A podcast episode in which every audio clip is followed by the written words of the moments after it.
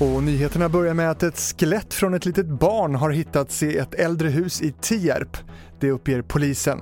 Skelettet låg insvept i tyg i en låda som har hittats i samband med att ett innertak på ett äldre hus från 1719 rivits, det rapporterar Uppsala Nya Tidning. Barnskelettet låg i en låda av näver och polisen misstänker att kvarlevorna legat på platsen en längre tid men en utredning om mord har ändå startats. Smittspridningen av coronaviruset kommer att öka i höst, även bland äldre. Det tror Folkhälsomyndigheten som återigen med hjälp av modeller tagit fram tre olika scenarier för hur hösten kan komma att bli. I samtliga scenarier tror myndigheten att smittspridningen kommer att öka, bland annat på grund av den mer smittsamma deltavarianten, att den fortsättningsvis kommer att vara dominerande.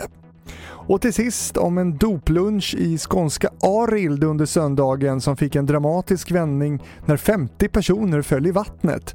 En stolpe i en brygga brast och gästerna som var samlade på bryggan hamnade i en damm. Olyckan utreds nu av polis, det rapporterar Sydsvenskan. Nio personer skadades. Det var det senaste från TV4 Nyheterna. Jag heter Fredrik Rahlstrand.